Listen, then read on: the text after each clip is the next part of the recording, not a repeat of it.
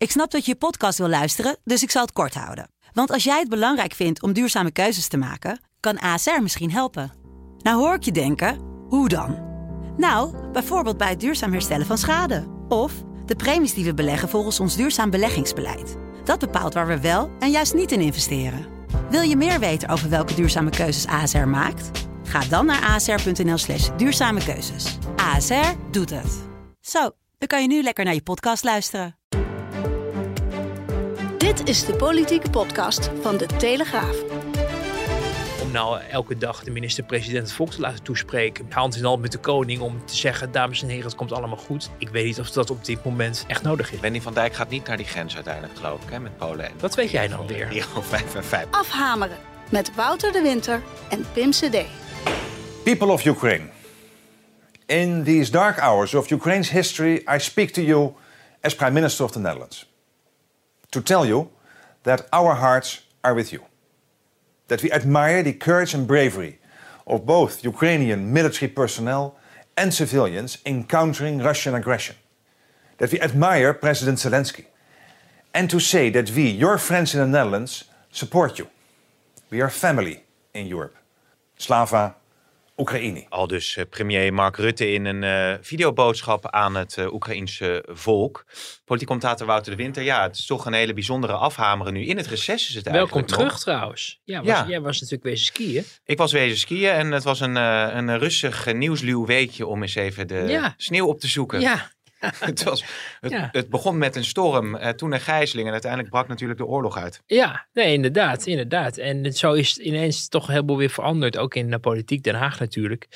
En eh, ja, waar we net naar luisterden, dat was dan een soort spotje wat ehm, Mark Rutte dan heeft, eh, de premier heeft opgenomen op verzoek van de, de Oekraïense president. En dat wordt dan kennelijk ook gebruikt om daar in het, in het ter plekke, denk ik, ehm, mensen iets van hart onder de riem te steken of zo.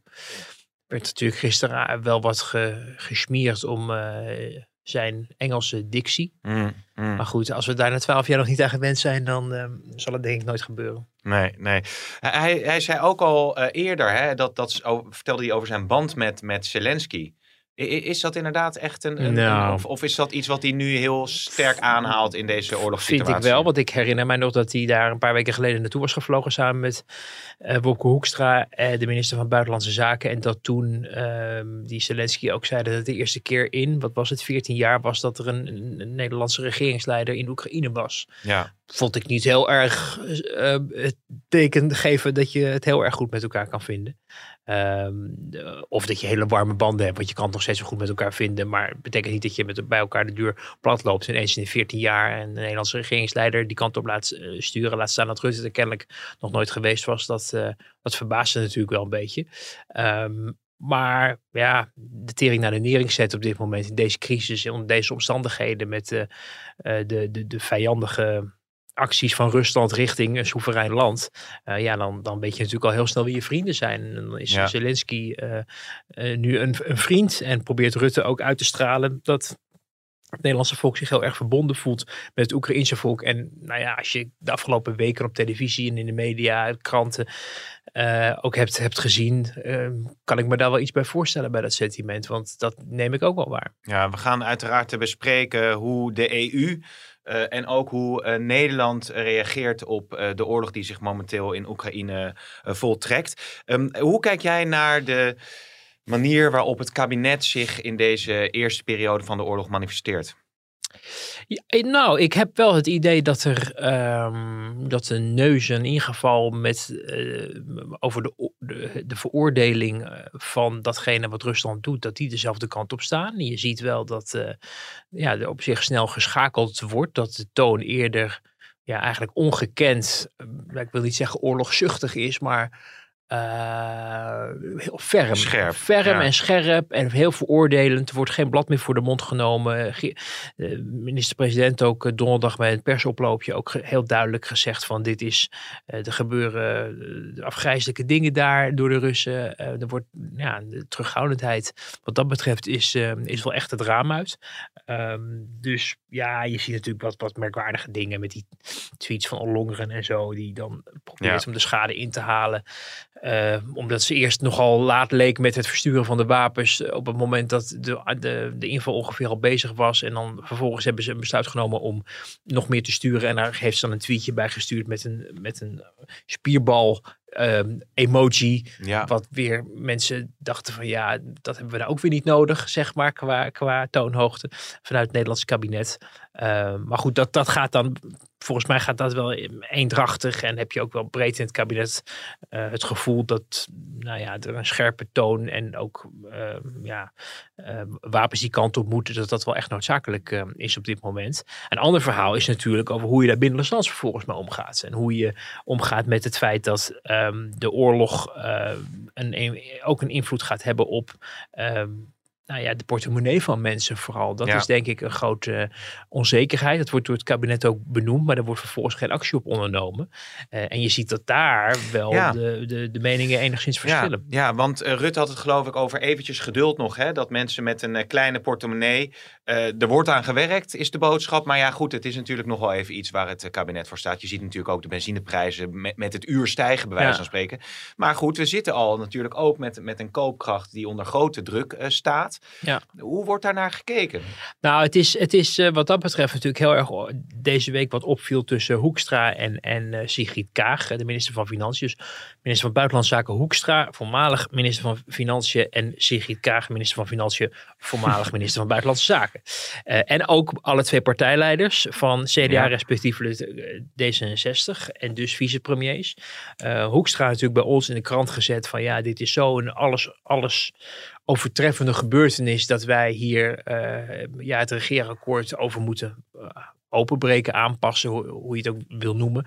Omdat de geopolitieke situatie eh, nu actie vereist die eh, ja, veel dieper gaat dan eventjes. eh, nou, we maken nog even een, een half miljard voor defensie vrij of zo. Ook omdat het of de koopkracht bijvoorbeeld een gevolg heeft. Maar ook die energievoorzieningen. Ja. Vergis je niet Ja. hoe kwetsbaar die natuurlijk is. En hoe de discussie nu is van ja, wil je, hoe afhankelijk wil je zijn van Russisch gas? Financier je daarmee niet indirecte oorlog? En breekt nood wellicht wet? En moet je kijken of je andere manieren aan energie en aan gas kan komen? Frans Timmermans, de eurocommissaris gisteren, die natuurlijk de, de, de deur open kier heeft gezet voor eh, toch eh, steenkolen. Dat Ja. je bij jezelf denkt van ja, als hij het al zegt, eh, gaan wij dan door op de ingeslagen ideale wereldweg? Of gaan wij ook kijken of wij vanwege de geopolitieke situatie in ieder geval tijdelijk misschien dingen on hold moeten zetten of moeten aanpassen? Nou, dan zie je dat daar in D66 eigenlijk al een paar weken verzet tegen is. Niet zozeer tegen ehm, eh, het, het aanpassen van een regeerakkoord of meer geld naar defensie. Want bijvoorbeeld Sigrid Kaag heeft lang genoeg in het Midden-Oosten gewoond om te weten hoe eh, noodzakelijk het is om ook in veiligheid en defensie te investeren. Dus daar zit ook niet de, de, de, de lastigheid op dit moment. De lastigheid zit hem in het feit dat het zou kunnen betekenen dat je de eerder gemaakte afspraken over je eigen ambitieniveau, bijvoorbeeld als het gaat om klimaat, om stikstof, om onderwijs, eh, dat je daar ehm, nog eens over gaat nadenken van het geld dat we daar allemaal naartoe schuiven. Is dat op dit moment opportun of moeten we dat misschien voor andere Ja. zaken in ieder geval enigszins of eh, bijstellen of, of, of herverdelen. En eh, daar hoor je al een paar weken vanuit D66, ook vanuit eh, echt het, ook het kabinet, dat men zoiets heeft van ja, maar als wij nu eh, van die Jenga-blokjes uit de toren gaan halen, dan valt het hele bouwwerk in elkaar. Dat is Mhm. natuurlijk heel vaak met een coalitieakkoord. Hè? Geven en nemen. D66 is meegegaan in dit kabinet met deze coalitie, met dit akkoord, omdat zij echt het, ook het verschil wilden maken. We doen het goed of we doen het niet, was de, datgene wat Sigrid Kaag erover zei. En je ziet nu ehm, dat er, ja, de vraag is of je die ideale wereld en de, de grote ambities, Ja. die je heel goed kan verklaren, ook vanuit partijpolitiek oogpunt, eh, maar of die nog van deze tijd zijn. En dan zie je dus dat Kaag wat dat betreft op twee borden moet schakelen. Aan de ene kant die ambities van haar partij ehm, ehm, bewaken. Want ze is ook vicepremier en ze is minister van Financiën en heeft in die hoedanigheid heel veel macht. Eh, maar ze is inderdaad aan de andere kant ook de minister van Financiën van het kabinet. Ministers van Financiën hebben doorgaans een hele goede reputatie in Nederland. Omdat ze zorgvuldig op de centen passen. Ja. En niet geld uitgeven op het moment dat dat misschien op een andere manier beter kan worden besteed. Dus Ja. zij zit wat dat betreft ook een beetje klem. Ehm, en dus deze week sloeg ze een beetje terug richting Hoekstra. Uh, omdat hij, zij zei van nou, we gaan niet terug naar de tekentafel. Dat betekent dat we alles overhoop moeten gooien. Uh, ik denk nogmaals dat het dus niet uitmaakt of, of er extra geld naar defensie moet. Want dat krijg je ook in de Kamer wel rond. Maar die Kamer heeft op voorspraak van D66 deze week tijdens het debat een uitspraak gedaan. Van we willen uh, dat er meer geld daarvoor vrij wordt gemaakt. Maar het mag niet ten koste gaan nee. van de geplande investeringen. En dat is een heel, heel belangrijk partijpolitiek signaal. Ingebracht door D66 en uiteindelijk gesteund door de Kamer. Namelijk, we gaan niet dingen die we al van plan waren. Uh, in ieder geval qua investeringen met klimaat nu aanpassen. Uh, nou, daar heeft het kabinet dan maar mee te dealen. Maar de vraag is of ja, zich dat ook wel blijft verhouden tot uh, het zorgen dat mensen voldoende geld in hun portemonnee Ja. houden. Ik, ik zit jou eh, aan te horen en ik denk, ja, we zijn wel betrokken bij een oorlog. Dus is het niet ergens een, een retorische kwestie dat je het antwoord al weet dat, je, dat het niet vol te houden is? Dat je uiteindelijk toch, wat Timmermans ook al zegt, Ja, bijvoorbeeld op je energie eh, Ja. Eh, eh, een ja, water bij de wijn zult moeten gaan ja. doen. Nou, dat, dat, ik denk het legitiem. Ik denk ook dus daarom dat, dat Hoekstra daar helemaal niet zo verkeerd in zat. En dan kan je natuurlijk hebben over, eh, en dat is een beetje een semantische discussie, van ga je het openbreken of ni- opnieuw naar de tekentafel? Daar wordt dan gelijk min of meer bij afgegrond. Eh, het regeerakkoord moet het raam uit en het klimaatbeleid ook, of zo. Alsof Ja. Hoekstra dat heeft gezegd. Dat heeft hij helemaal niet gezegd. Hij heeft ook aangegeven dat hij ook niet denkt dat, dat nu het hele regeerakkoord in de prullenbak kan. Maar dat je misschien een herprioritering moet bekijken. Ook omdat er trouwens ook nog allerlei andere problemen zijn met box 3 en belastinginkomsten en zo. Maar ehm, dat, dat, dat je, dat je ja, toch vanwege datgene wat zich buiten de landsgrenzen heeft voltrokken. Hè, wat Hoekstra ook zegt van het, eh, de, ge- de geopolitiek houdt zich niet aan het Nederlandse coalitieakkoord. Dat je daar toch even de koppen bij elkaar over moet steken. En men vindt het natuurlijk in het kabinet, dat merkt je ook bij V- VVD en ChristenUnie. Want die zagen dit natuurlijk ook gebeuren tussen die twee. En die dachten, ja, wij kunnen er ook wel wat van vinden. Maar het heeft allemaal niet zoveel zin. Want dan gaat het al heel snel over kibbelende ministers. Terwijl het zou moeten gaan Ja. om eenheid uit te stralen. eh, in het buitenlandbeleid in ieder geval. Maar de uitdaging voor de komende weken wordt, hoe ga je de bevolking, de Nederlandse bevolking, eh, die echt wel begrip heeft voor, er gebeurt nu iets heel verschrikkelijks, maar hoe ga je die wel voldoende accommoderen als die op een gegeven moment met torenhoge energierekeningen Ja. bijvoorbeeld te maken krijgen. En dan blijkt echt een grote politieke kwetsbaarheid, dat er een heleboel geld wordt uitgegeven, allerlei fondsen worden gevuld en allerlei leuke dingen mee worden gedaan. Maar als mensen geen cent meer hebben in een portemonnee om uit te geven, dan heb ik het echt niet alleen maar over de allerlaagste inkomens. Hè, want dat is een, gek genoeg een redelijk overzichtelijk probleem. Want daar kan je aan de onderkant met, met knoppen draaien en uitkeringen en, en mensen geld toeschuiven. Ja. Dit gaat over een veel groter deel van Nederland, de middenklasse. Ja. En dat is bijna onbetaalbaar eh, om die, nou in ieder geval te ontzien. Dus die zullen ook moeten inleveren. Maar iets eh, geld naar hen toeschuiven wordt al heel snel een hele kostbare aangelegenheid. En want je hebt bijvoorbeeld ook over dat, eh, dat Oekraïne de graanschuur is van Europa eh, Mhm. met Rusland. Nou, je hebt het ook natuurlijk over, eh, over de levering van gas. Hoe kijkt Rutte trouwens nog even kort naar dat gekibbel tussen Kaag en, en, en, en Hoekstra? Nou, die, die wil dit natuurlijk ook niet. En die wil vooral zeker nadat ze twee maanden in, in, in, in functie zijn, dat de, ja, de rust wordt bewaard onderling. Ook omdat hij die mensen ook allemaal nodig heeft om ook eh, op het internationale toneel natuurlijk wel enig geloofwaardig eh, op te kunnen treden. Hè? Als, als mensen er kennis van hebben dat het kabinet hier alweer op, op omvallen wankelen omdat ze ruzie met elkaar maken zijn, dan geeft dat natuurlijk ook geen eh, goede indruk. Dus die moet achter de schermen proberen om de gemoederen te bedaren. En ik denk wel dat, hem, dat hij daarin slaagt. Maar je zag wel hoe snel dingen kunnen escaleren. Dus dat eh, Hoekstra iets zegt over. We moeten daar opnieuw naar kijken. En de, de avond, dezelfde avond zit ongeveer Sigrid Kaag te zeggen: nee hoor, dat gaan we niet doen. En, en eh, dat, dat gaf natuurlijk niet echt een lekker Nee. beeld. Nee, nee. Uiteindelijk zal het dus eh, tot maatregelen moeten gaan leiden om de kosten ook voor de Nederlander overzichtelijk te houden. Nou ja, het eerste waar je dan aan denkt is Groningen en gas. Eh, ja. Een van de eerste dingen. Dat, dat, zijn, eh, dat, is, dat is een belangrijk ding. Eh, je zou ook heel goed kunnen denken aan of je iets met eh, de, man, de. Maar dan gaat het echt alleen om over de, over de pomp. Dus over mensen die een auto hebben.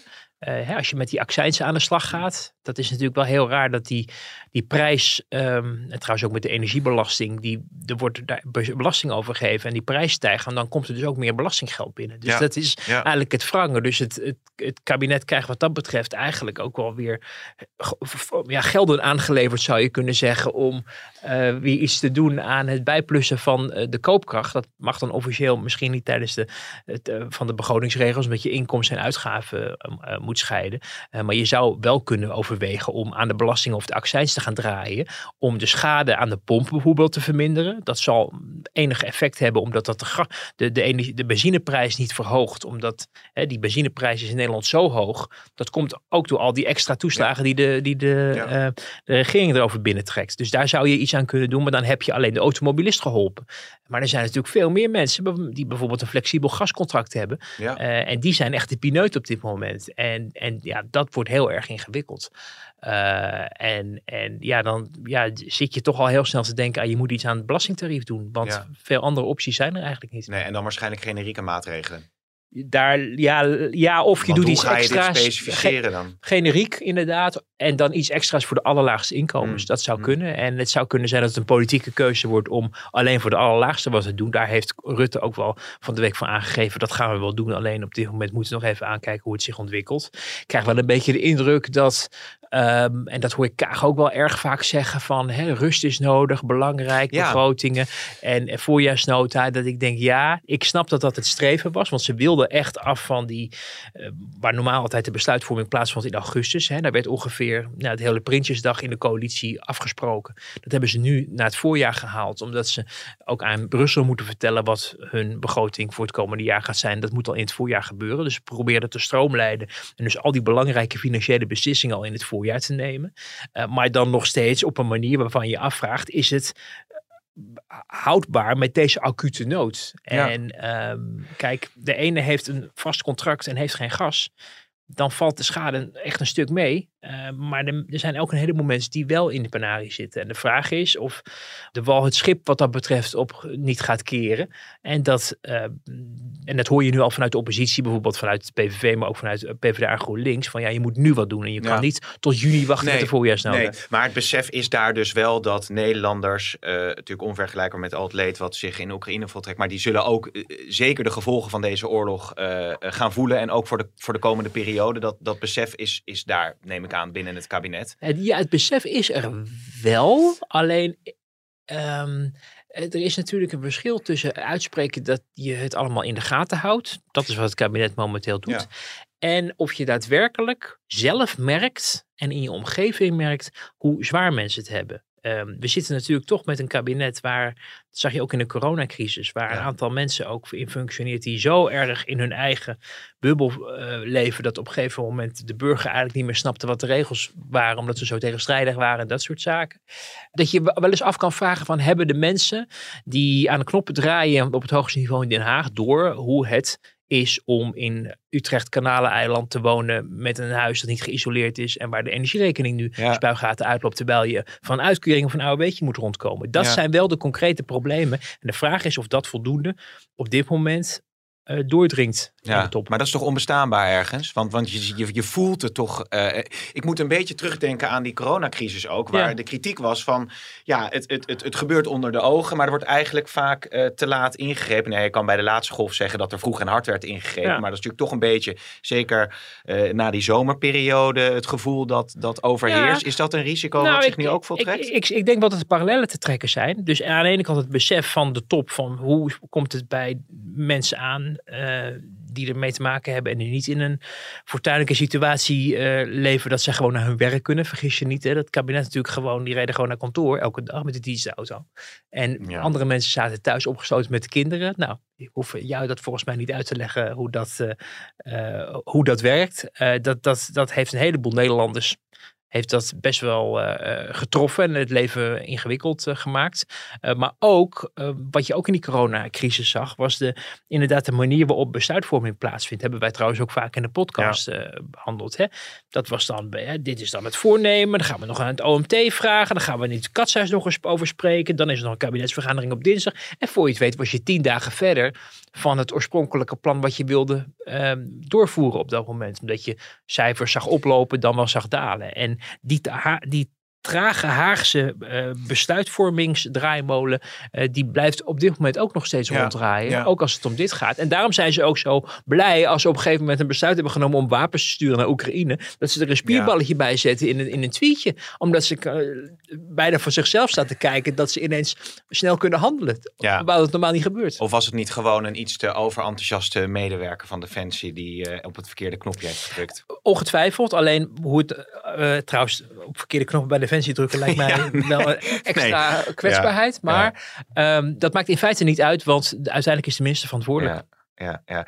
Ik, ik, ik, het is interessant dat we dit thema aanhalen. Want ik wil even um, uh, Erik van den Burg laten horen. Die natuurlijk verantwoordelijk gaat zijn voor, of is al voor de asielinstroom van, uh, van Oekraïners. We zien tot nu toe nog steeds uh, weinig mensen naar Nederland komen. Tot gisteravond waren het er zo'n 250. Maar we verwachten wel de komende weken een grotere aanwas. Ook omdat je ziet dat we inmiddels nu in Europa boven de 800.000 mensen zitten. Veelal nog steeds in uh, de buurlanden. Maar die raken op een gegeven moment ook uh, uh, vol. Die redden het dan ook niet meer. Ze verwachten wel een grotere uh, stroom richting de rest van Europa. En dus ook zeker richting Nederland. Ja, je hebt het dus over het overkomt ons. Maar als ik Erik van den Burg hoort, ja, het valt nu nog mee. Maar het wordt allemaal wel meer. Maar dan denk ik van ja, we staan gewoon aan de vooravond van een enorm grote instroom.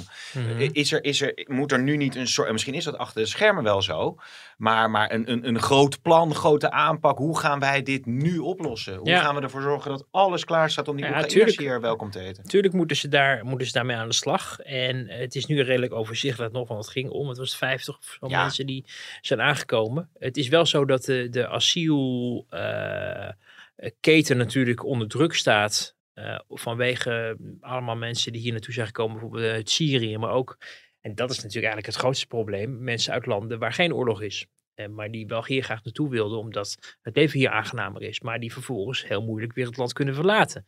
Meer mensen uit Noord-Afrika heb je het dan vooral over. Mm.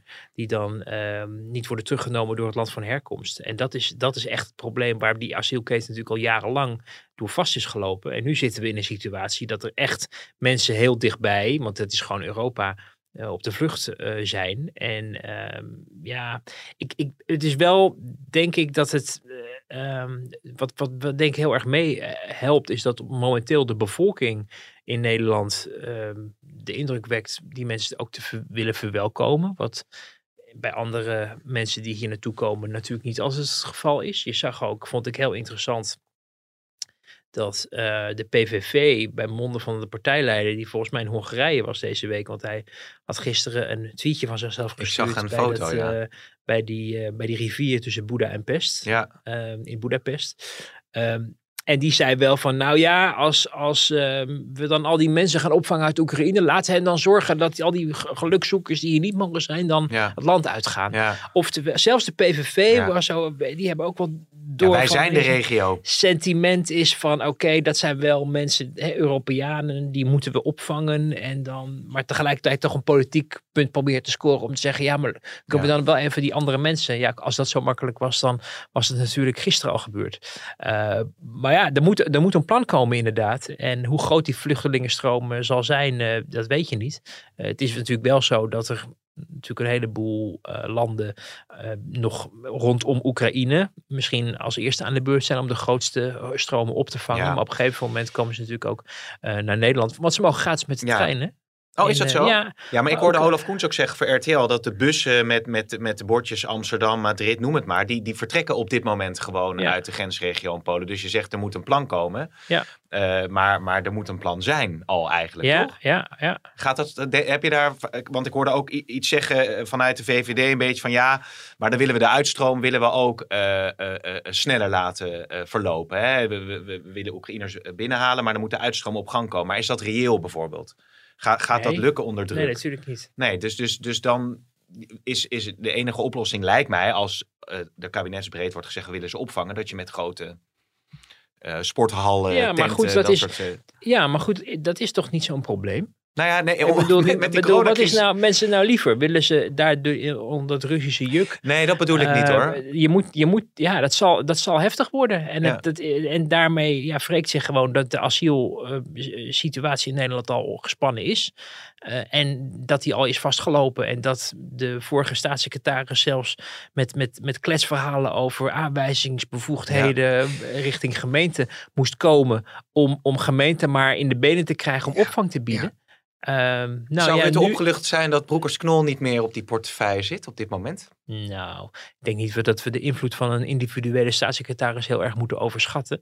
Het gaat uiteindelijk toch om, een, eh, om de dienst, de IND bijvoorbeeld, en allerlei andere eh, diensten en organisaties in de vreemdelingenketen, waar een staatssecretaris eh, wel enige politieke sturing aan kan geven, maar daar staat of valt het uiteindelijk toch niet bij. Eh, deze staatssecretaris en de vorige en de volgende worden eigenlijk allemaal geconfronteerd met hetzelfde probleem. En als het om asiel- en vreemdelingenbeleid gaat, is dat dat mensen die, hier, die geen recht hebben om hier te mogen zijn, dat die niet vertrekken. Dat is het probleem. Eh, en dat wreekt zich nu, omdat er dus een heleboel mensen die wel recht hebben om hier te zijn. In ieder geval tijdelijk vanwege dat ze direct op de vlucht zijn voor een duidelijke oorlog. Eh, ja, dat die onderdak verdienen. En dat zal, denk ik, uiteindelijk ook gaan leiden tot misschien grootschalige opvang. Waarvan je denkt, oh, dat hadden we liever anders gezien. Maar ja, het alternatief is dat we bekende Nederlanders gaan vragen om mensen op te vangen. En dat was de vorige keer ook zo'n groot succes. Dus ik weet niet of dat dit keer ook gaat gebeuren. Nee, Wendy van Dijk gaat niet naar die grens uiteindelijk, geloof ik, hè, met Polen en Wat weet jij dan weer? Rio 5 en Wat 5. weet Maar dat geheel terzijde. Ik moest heel erg aan Rutte denken eh, deze week, want die heeft natuurlijk die coronacrisis gehad. Natuurlijk enorme crisis rondom het nieuwe kabinet. Nu zit hij eh, weer in, in de, in de Oekraïne-crisis, wat hij natuurlijk eerder met MH17 ook al heeft gehad. Het is voor hem weer een nieuwe test. Een nieuwe proef om, om, ja, om zich als, als premier aan het volk te laten zien. Doet hij dat tot op heden goed?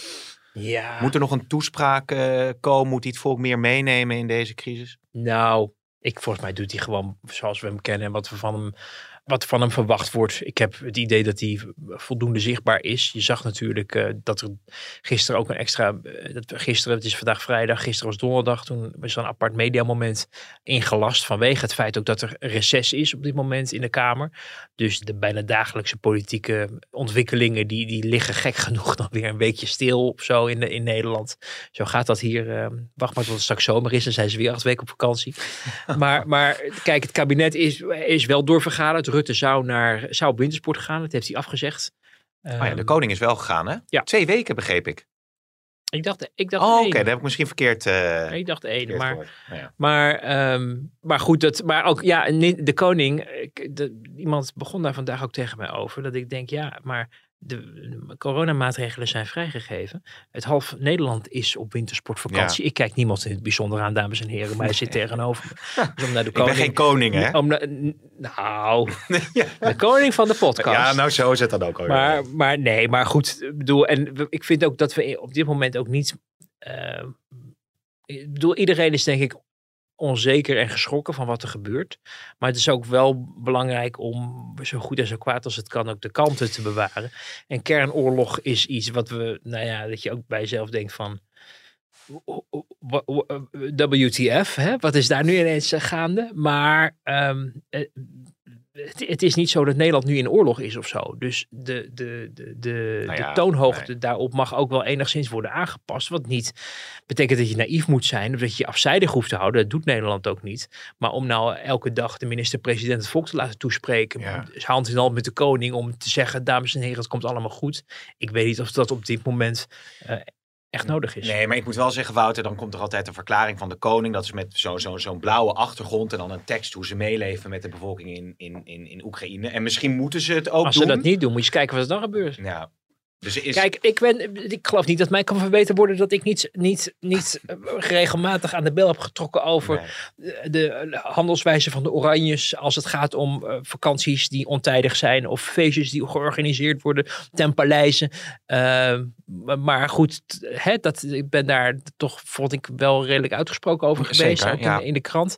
En ehm, ja, in dit geval denk ik van ja, ik zou, heel, heel Nederland gaat op wintersportvakantie. Ja. Ehm, het is ook niet zo dat de koning enige macht heeft om dingen te doen. Hij heeft wel overigens gebeld hè, met die uh, Oekraïense president Zelensky. Daar Hmm. is er ook een communiqué over verschenen. En Zelensky heeft ook eh, het, eh, de Nederlandse vorst en vorstin, geloof ik ook, bedankt voor hun Ja. medeleven en dat soort zaken. Alleen de koning is natuurlijk niet de regering. ja, officieel misschien is natuurlijk het staatshoofd. Maar hij, hij, hij beslist niet of er stingers naar ehm Nee.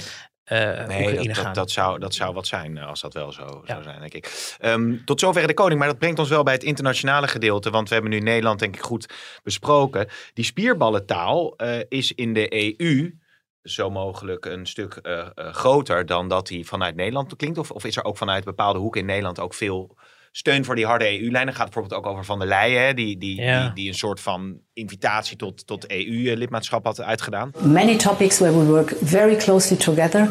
And indeed, over time, they belong to us, they are one of us, and we want them in. Dat was natuurlijk ook echt weer dat je denkt, oh, dat is dus precies wat er, wat er niet deugt aan de Europese Unie. Dat er dus mensen zitten, ongekozen op posities, die eventjes op dit nu, op dit wereldtoneel kunnen schitteren.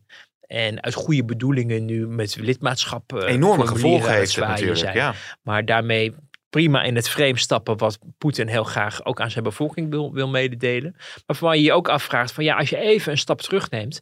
En natuurlijk gun je die Oekraïners het beste.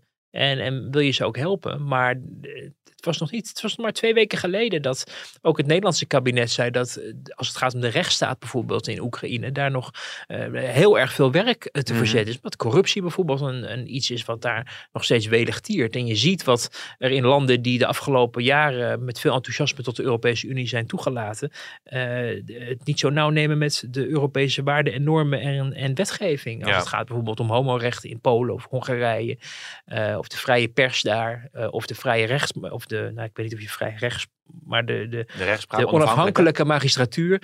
Weet je, dat, dat, zijn, dat is ook allemaal inmiddels binnen de Europese Unie. En daar hebben we eigenlijk al onze handen vol aan. Eh, bovendien een lidmaatschap, dat gaat jaren duren. Dus het is meer voor de bühne. Eh, ja, ik vond het erg on- onhandig. En dat, dat merk je ook wel, dat ze dat in kabinetskringen onhandig Ja. vonden. En de Kamer staat er ook helemaal niet zo voor te springen dat het op deze manier moet. Met uitzondering misschien van een enkel heel erg uitgesproken pro- eh, pro-Europese partij of partijen. Ehm, maar dat is allemaal heel erg onhandig. Maar dat, ja, dat, soort, dat soort dingen, dat soort ongelukken gebeuren op het hoogste niveau, vind ik opvallend. Maar je merkt wel heel duidelijk dat in het kabinet men zoiets heeft van oké, wij vinden dat ook onhandig, maar wij gaan nu niet eh, daar de oorlog over beginnen. Nou, oorlog is Nee, de eenheid moet bewaard blijven Juist. ten koste van wij alles. gaan, wij, gaan, ja, wij gaan hier nu niet een, een interne battle over voeren. We leggen het naast ons neer, want het belangrijkste is dat we eenheid uitstralen. En je ziet wel bij de opluchting, en dat, dat is niet alleen in, in Nederland, maar ook in andere delen van Europa. En ik denk ook bij de Verenigde Staten, dat, die, die, dat de westerse wereld eendrachtig optrekt. En zeker in de Europese Unie, waar men elkaar zo vaak de maat nam en eh, met elkaar overhoop lag met ellenlange, urenlange midden- en nachtvergaderingen. Eh, dat dat op dit moment de prioriteit heeft om, om die eenheid te bewaken. En dat er dan ja, gekke dingen gebeuren in de Europese Commissie. Ja, het zij zo. Ja, Macron had het geloof ik ook over het Europese leger, hè, wat er dan eh, Ja. versneld eh, moet Ja, komen. Die dus, wil ook weer president worden natuurlijk. ja, dus nou ja, in ieder geval een, een zeer enerverende tijd. Volgende week is reces af, afgelopen ehm, en dan gaan we er verder op door. Maar er is nog één ander punt dat we ook moeten bespreken, Mhm. Wouter. Dat is Gundogan. Even een korte impressie vanuit de rechtbank. Naamzuivering. Ik ben ook een moeder. Ik kon het oude gesprek niet beginnen zonder dat ik de juffrouw beloofde naar eer en geweten dat ik dit soort dingen die in de pers zijn verschenen niet doe. En nog meer dan mijn politieke carrière is dat wat me raakt. Het is, de juiste manier? is er een andere manier? Ja. Heb ik een andere manier? Weet je, even, hoe moet mijn kind van nu vijf straks in de media dit soort dingen lezen? Mama, heb je dit gedaan? Bij seksueel grensoverschrijdend gedrag denk je aan een vrouw die foto's van haar flamoes maakt en rondstuurt. Hoe ranzig is dit? Ik heb in vijf dagen heb ik me gewoon echt afgevraagd, wat de fuck heb ik gedaan dan? Ja, en wat ik een beetje moest denken hierna, het gaat ook over grensoverschrijdend gedrag van Gundogan. Ze laat zich nu emotioneel heel erg gaan voor de camera, waarmee je de suggestie wekt dat ze emotioneel kwetsbaar is.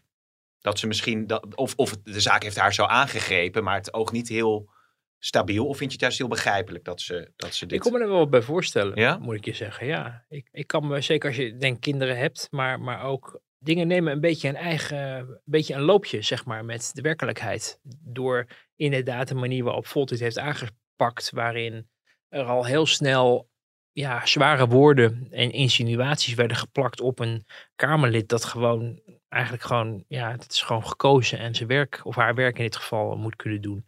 De manier waarop dat is gegaan, is ehm, ja, niet chic geweest, op zijn minst. Ik kan me ook wel voorstellen dat zij een rechtszaak aanspant, omdat zij zich echt op een ja, manier behandeld voelt die niet eerlijk is. Uh, zoals we dat kunnen zien. Hè? Dat je gewoon van de een op de andere dag op, op een zijspoor wordt gezet, geschorst wordt en maar moet wachten tot een commissie beschikt over jouw lot. Dat hmm. zou eigenlijk niet moeten. Um, fracties zijn natuurlijk ook hè, samenwerkingsverbanden, maar in de grondwet kennen we dat niet. Dus een Kamerlid is een Kamerlid. En het is fijn als ze zich verenigen in een fractie voor het verdelen van spreektijd en zo. Maar in principe mag zij daar natuurlijk in haar eentje ook gewoon gaan opereren. Hier ligt volgens mij um, ook een beetje, we moeten doen met de informatie die we hebben. Er is nu een rechtszaak, er zijn we dingen op tafel gekomen. Dan lees je en hoor je wat haar dan wordt verweten.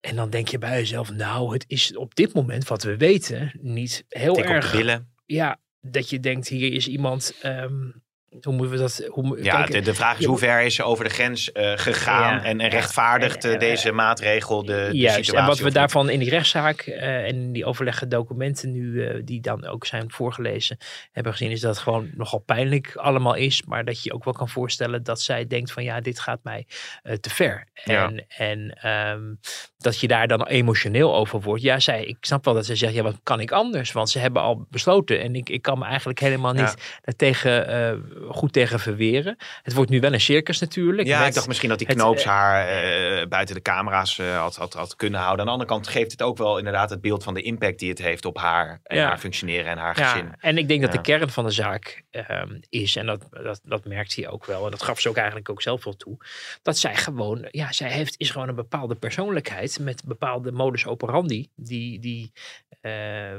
er wordt nu heel erg op het, op het seksuele ingezoomd, maar um, het, het ging voor een belangrijk deel ook tijdens dat kort geding over uh, dat zij bijvoorbeeld uh, schreeuwt tegen een medewerker drie ja. keer de deadline niet haalt voor het verkiezingsprogramma of zo.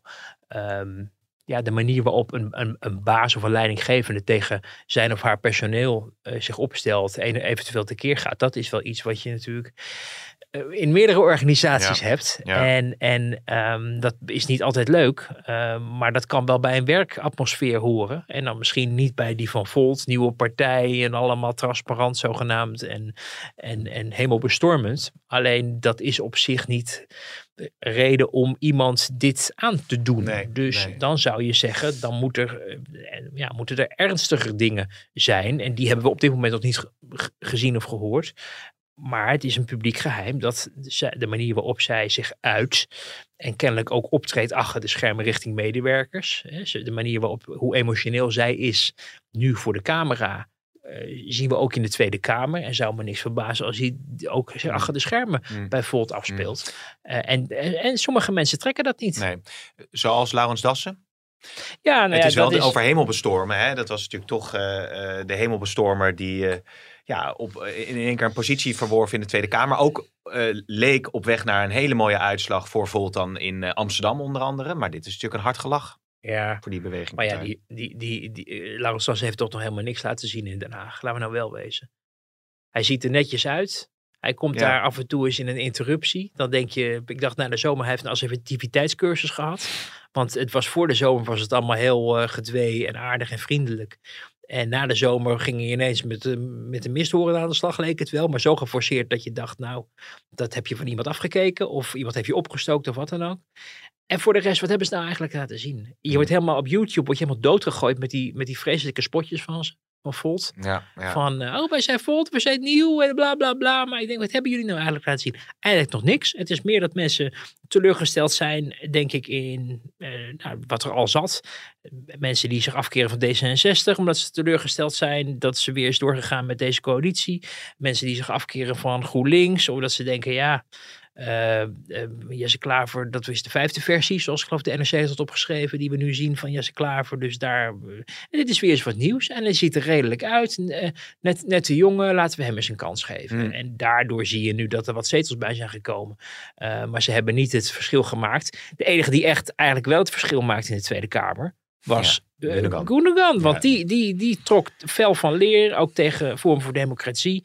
Oogste daar een heleboel haat, mail en bedreigingen, weet ik veel wat. Maar gaf wel ook die partij eigenlijk smoel. Want die Hmm. denkt, hé, hey, er is een, een nieuw queen in town wat dat betreft. Hè, de aloude confrontaties tussen het, het, eh, eh, ja, de, de, de, de flanken, eh, dus de PVV, de Vorm voor Democratie. En een partij meer in het midden die voor de redelijkheid is. Wat je natuurlijk zag bij D66. Pechtold Wilders een tijdje. eh, Kaag Wilders hebben we natuurlijk met de verkiezingen gezien. En nu was het Gundogan tegen... eh, Van Meijeren. eh, Van, van Vorm voor Democratie. Complotmarmot, hè, zei die genoemd te zijn door... Het is goed dat je dat even Gundogan. bijzegt. Want als denken mensen dat jij dat zou zeggen, zoiets. En dat nee, is, nee, nee, nee, nee. Hè? Maar die gemeenteraadsverkiezingen komen dus eh, zeer eh, dichtbij. Ik zag een spotje ook nog voorbij komen van eh, Richard de Mos.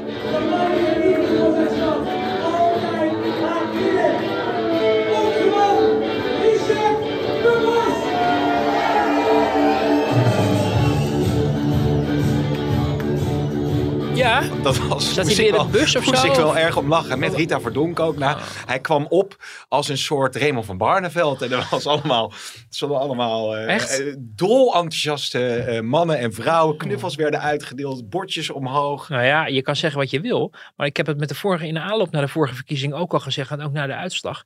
Je moet niet onderschatten hoe populair Richard de Mos is geworden de afgelopen jaren in Den Haag. Ja, het is ja. lijst 1. Als je daar rondloopt, zie je gewoon die verkiezingsborden. Er staat gewoon lijst 1. Zie je Richard de Mos. Die nog steeds officieel eh, is aangemerkt als iemand die iets verkeerds heeft gedaan. Daardoor ook zijn wethouderschap Hm. heeft neergelegd. En waar justitie nog steeds mee talmt om daar nou eens gevolg aan te Ja. geven. En dat vind ik overigens wel. eh, Jan van Zanen, de burgemeester, heeft ook opgeroepen om daar nou eens een beslissing over te nemen. Ja. Zodat iedereen ook weet waar hij aan, aan toe is. En eh, Rita Verdonk is dan een mooi eh, ja, alternatief. Mocht hem nog iets. gebeuren.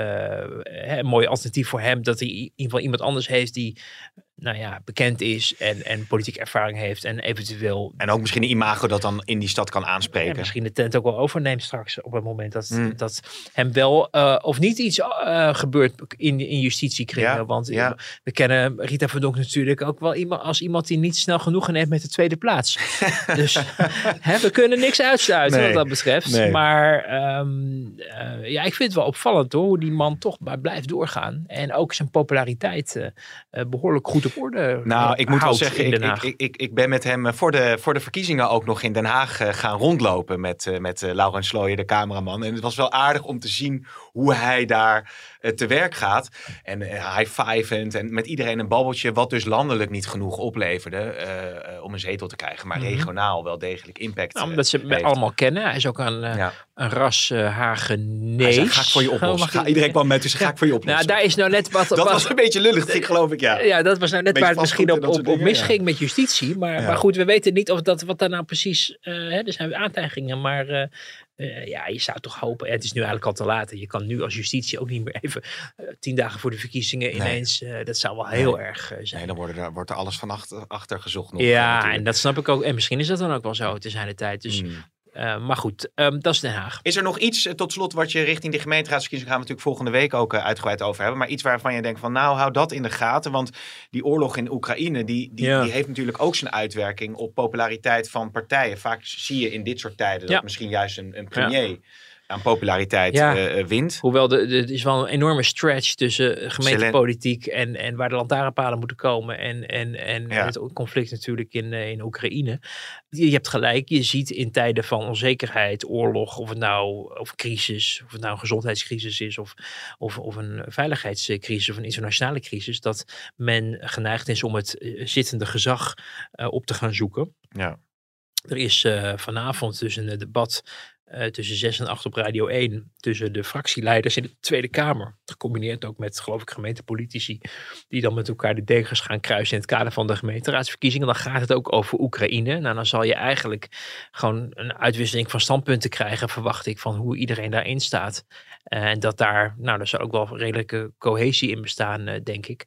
Maar het is natuurlijk wel een stretch. Alleen, ja, mensen gaan toch is, is, dat zag je ook al in de eerste peiling mee vandaag. Zag je dat eigenlijk alle regeringspartijen, met uitzondering van uh, ChristenUnie, want die bleef gelijk. Maar zelfs CDA kreeg er weer een zeteltje bij, zag ik. Mm. D66 nog eentje. VVD 2, meende ik. Even uit mijn hoofd. Um, dus, en, en bijvoorbeeld minder voor Vorm voor Democratie. Ja. Uh, en en we zagen ook Thierry Baudet gelijk iets twitteren. Dat het allemaal toch wel wat genuanceerder lag. Want hij werd natuurlijk aan het begin van de week. liet hij zich wel kennen als iemand. als een soort fanboy van Poetin. Uh, die vooral aan het vergoelijken was wat, er, wat Poetin ja. aan het doen was. En daar probeerde hij nu toch wel in een tweetje wel enigszins. Ja afstand van te nemen. Of in ieder geval iets van nuance aan te brengen. Omdat hij ook wel ziet dat er gelijk twee zetels verdwenen. Ja, ja en dat is natuurlijk vlak voor gemeenteraadsverkiezingen. Waar zij ook grote ambities hebben. Voor hen natuurlijk ook niet echt een feest. Nou, het zal allemaal uh, vervolgd worden. Tot zover deze afhamer. En Welkom terug. Ja. Tot, tot volgende week. Tot volgende week.